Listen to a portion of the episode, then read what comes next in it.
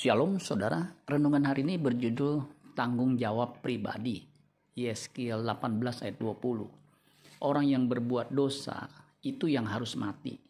Anak tidak akan turut menanggung kesalahan ayahnya dan ayah tidak akan turut menanggung kesalahan anaknya.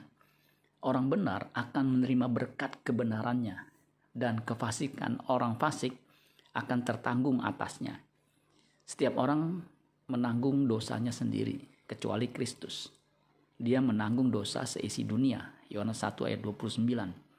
Pada keesokan harinya Yohanes melihat Yesus datang kepadanya dan ia berkata, "Lihatlah anak domba Allah yang menghapus dosa dunia."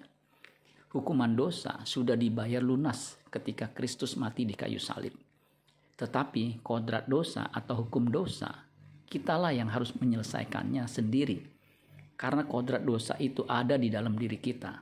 Roma 7 ayat 20. Jadi jika aku berbuat apa yang tidak aku kehendaki, maka bukan lagi aku yang memperbuatnya, tetapi dosa yang diam di dalam aku. Itu menjadi tanggung jawab pribadi kita dengan menyalipkan keinginan berdosa tersebut. Galatia 5 ayat 24. Barang siapa menjadi milik Kristus Yesus, ia telah menyalipkan daging dengan segala hawa nafsu dan keinginannya dengan hidup menguduskan diri setiap saat. Yohanes 17 ayat 17. Kuduskanlah mereka dalam kebenaran. Firmanmu adalah kebenaran. 2 Korintus 6 ayat 17. Sebab itu keluarlah kamu dari antara mereka dan pisahkanlah dirimu dari mereka. Firman Tuhan. Dan janganlah menjamah apa yang najis, maka aku akan menerima kamu.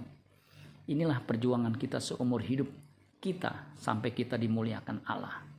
2 Korintus 2 ayat 21 jika seorang menyucikan dirinya dari hal-hal yang jahat ia akan menjadi perabot rumah untuk maksud yang mulia. Ia dikuduskan dipandang layak untuk dipakai tuannya dan disediakan untuk setiap pekerjaan yang mulia. Amin berfirman Tuhan. Tuhan Yesus memberkati. Sola Gracia